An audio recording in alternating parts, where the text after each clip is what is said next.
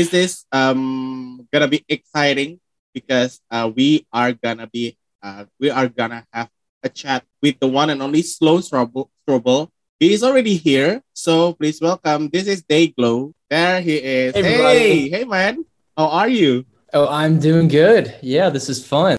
Which um Sloan wrote on this very room, right? Because you are now in your yes. parents' house, right? If I'm not mistaken.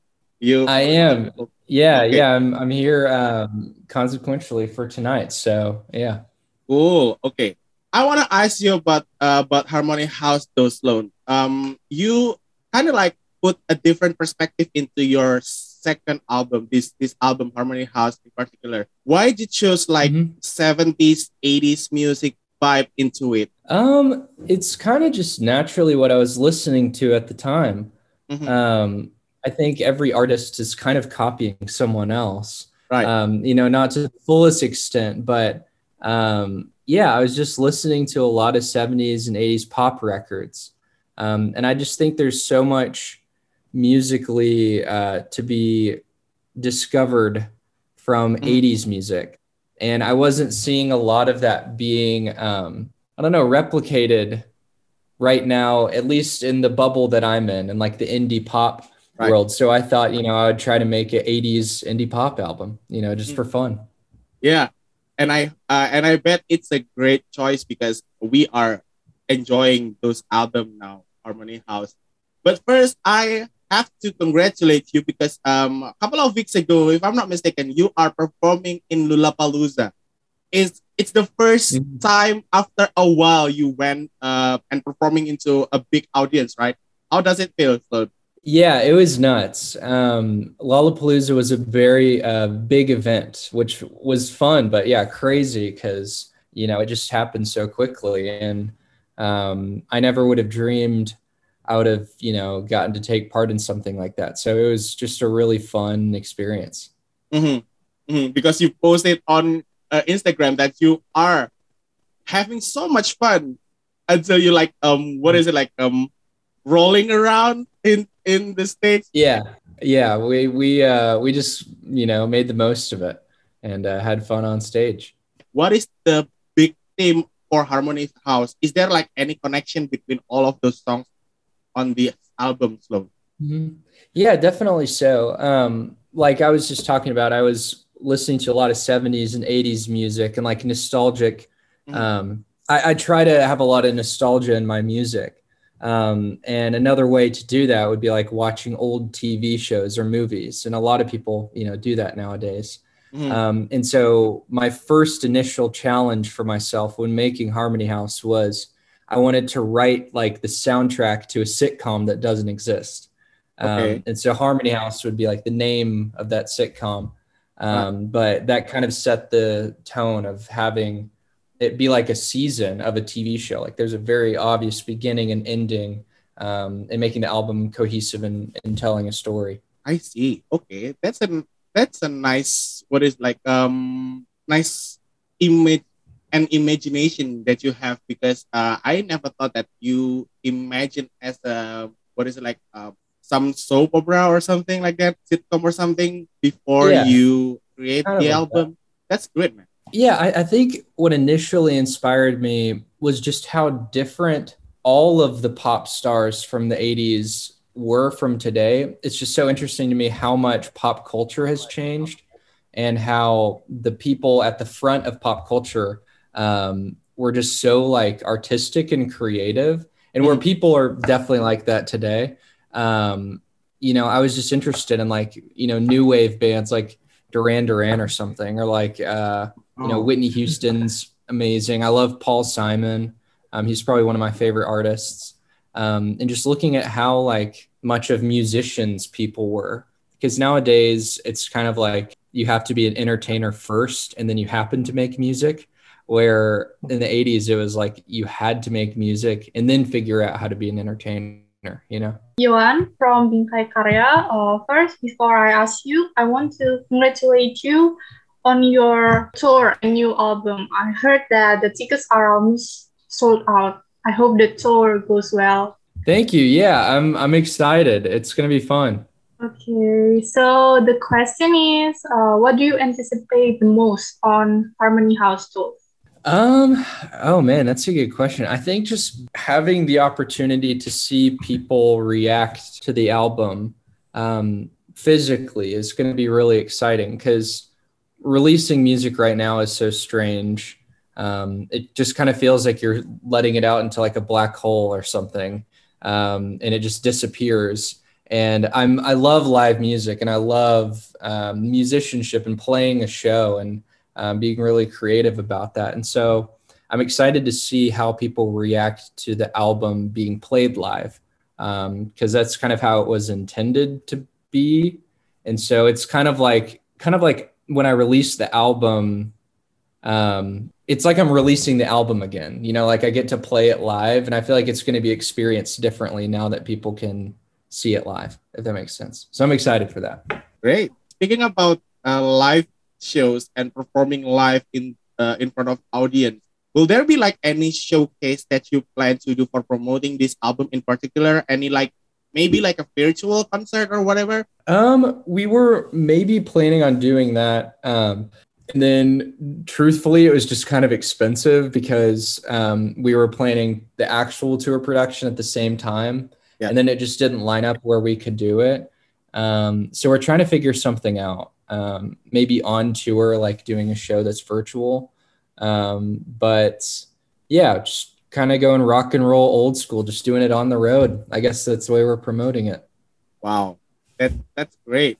And I maybe it's it's it's a great idea to like um, when you perform live in front of audience, you also performing uh, to your virtual audience. That that will be great though because yeah. the ambience that you have in front of the live audience can already feel at home at, uh, as well, right? Mm-hmm, definitely. I've been wanting to come to Indonesia for a while. Um, it's a far way away from Texas, yeah. um, but hopefully soon uh, I can get to play some shows in uh, Indonesia. That'd be really fun. Um, so maybe in the next year or so, that'd be awesome. Yeah, I, I really want to figure out how we can make it work. Um, so hopefully the tour just keeps going and um, the shows keep happening and tickets keep selling and um, you know we'll end up in indonesia. That'd be awesome.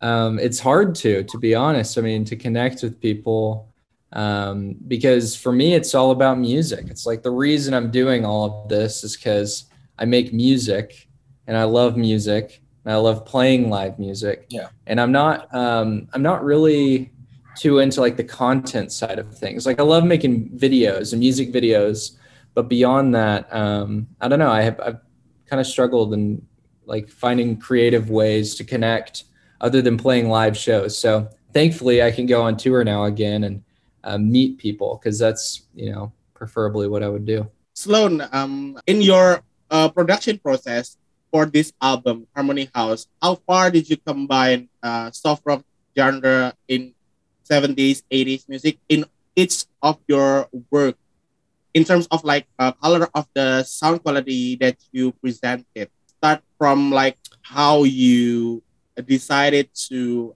how to color the vocal or instrument. Is there like yeah. any traditional instrument that you use as well? For sure yeah. So a lot of what inspired the 80s production was that a lot of the gear that i was using um, was from the 80s. So a lot of synthesizers and keyboards that I had um, were recorded analog um, mm-hmm. live into the computer versus using like plugins and uh, MIDI and stuff. And so I don't have, well, I wasn't using any like tape machines or anything, but um, I really studied how albums were made then and how uh, certain instruments were processed. And I won't go too deep into it. Um, but I definitely was very careful in approaching it as much as as honestly and uh, truthfully as I could, mm-hmm. um, because you know the uh, audio like integrity really matters to me. So um, hopefully it sounds authentic. Great. So you you try to push um, what is it as authentic as possible to the 70s and 80s sound, right? Through the process yes, of Yeah. Cool. So mm. how do you feel to see your next month concert started to sold out and force you to add another day?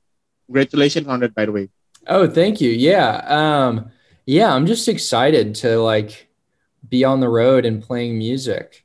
Um, yeah, it's going to be fun. I don't necessarily know what it's going to be like because I haven't gotten to tour in a bus or anything. So um, I feel like I should be more concerned about, uh, you know, the songs and the way that we're playing live. But I feel like we have that down. So all I'm really thinking about is like what it's going to be like to sleep on a bus and like, you know, what I'm going to eat for dinner and stuff. right, right. You can still order online though for the food, right? Or like, sure. yeah, yeah, get someone to to figure it out. Yeah, I heard that Harmony House is an encouragement album. Can you share with us uh, how do you usually encourage yourself, especially when you're feeling insecure or not feeling confident? Sure, that's a great question. Um, man, I don't know. I think it's kind of something everybody figures out in time. Um, I love making music. Music is really therapeutic for me, and um, writing songs um, that help me uh, is really interesting because I do that and then I get to share it with everyone else. Um, and so, yeah, I guess like writing music is the first thing that I do because it just is a gift in my life. I think that I get to do that. And um, I don't know, I, I try to just have the biggest perspective I can um, and kind of zoom out a little bit. So I think a really good thing is just to remind myself that like everybody's got something going on, you know, and we can all be in this together if we decide to look at life that way. And um, I don't know, I just try to remind myself that there's people around me that are having hard days too sometimes. And um, yeah, just just remind myself that we're all just people.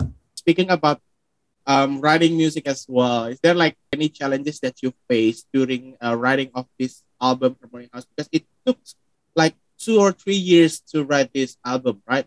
Mm-hmm. Yeah. Um, I think the challenges weren't very like uh like I didn't feel any pressure making this album. Um because I just want to be as creative and fun as possible. And um, I'm really young. I'm only 22 years old, and so a lot in my life had changed since making Fuzzy Brain.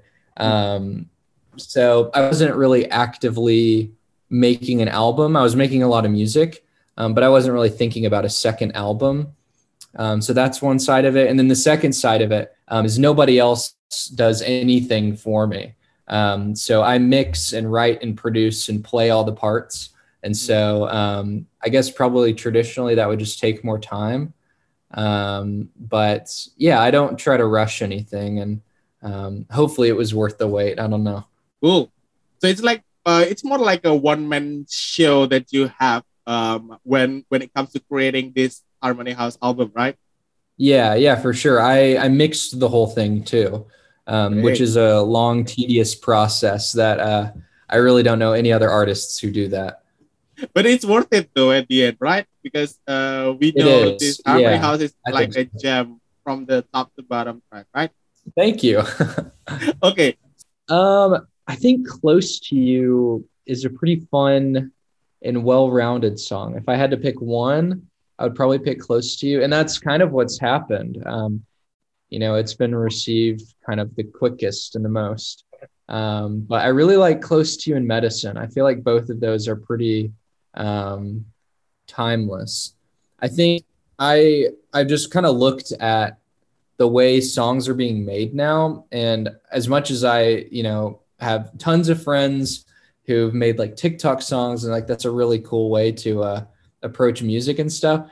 Um, all of those songs kind of do this and then this. And I try to make songs that aren't really bound by like a trend or something. They're just kind of like just songs that could fit timeless scenarios. And I feel like Medicine and Close to You are songs that hopefully will just grow like this over time. And then when I'm 40, you know, it could be a hit still. I don't know. Great answer though, because uh, I felt the same way when when when I heard the album, because it it didn't it will not um what is it like getting bored when you when you listen to it like maybe like the next 10 years next 15 years i don't know when you 40 maybe the album harmony house um became some sitcom or something with those track as a soundtrack never know That would be cool, right? Yeah, Th- that'd be cool. I'm in no rush. You know, I, I just want the songs are out now, so you know, whatever happens. Um, very technical question. So I try to interpret it to, to you, uh, translate it to you. So when you uh, do some concert, what is uh, the gear setup that you have from what is uh what is the thing that you most likely to put on the gear that sounds so good is there like any special thing i mean like uh, when when it comes to mic selection or gear selection that you have compared to the virtual thing that you have? Is there any differences? Oh good question. Yeah um i mean i approach live music and recording music completely differently. So when i'm recording and in the studio i try to go as analog as possible. You know if i can use um, hardware compressors, I go for it. I try to. Um, but when I'm on the road, um, I really don't try to tour with, I try to tour with as little as possible. I like it to be as light as possible um, because nowadays you can get things that sound great, um, at least in my opinion, um, that are digital. because I used to carry around a pedal board and then every single show I would have at least one thing go wrong, you know, with the settings and whatnot. And so um, now I tour with like a Helix, a Line Six Helix floorboard, which is like a digital um, pedal board, and I've I've loved it. So we don't have to carry amps or pedal boards. Um, so my me and my guitarist and my bassist all don't have amps, which is so nice because mm-hmm. those are heavy. mm So yeah, I don't know. I love the Line Six uh, Helix floorboards, and um, we all play Fender guitars. I have a Fender Stratocaster. Um, as far as mics, um, I don't necessarily have a favorite stage mic, and I guess a Shure SM58. Um, you know, that's kind of everywhere. Um, assuming this is a gear person. Um, and recording in the studio, I use the uh, there's a company in Austin where I'm from called Warm Audio, and they remake a lot of vintage gear for way cheaper.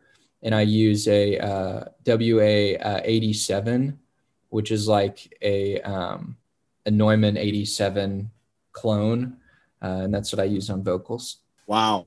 Thank you so much, Sloan, for your time. Thanks for being here. Uh, this is exciting, and um, I hope to meet you all someday soon in Indonesia. So it's going to be awesome.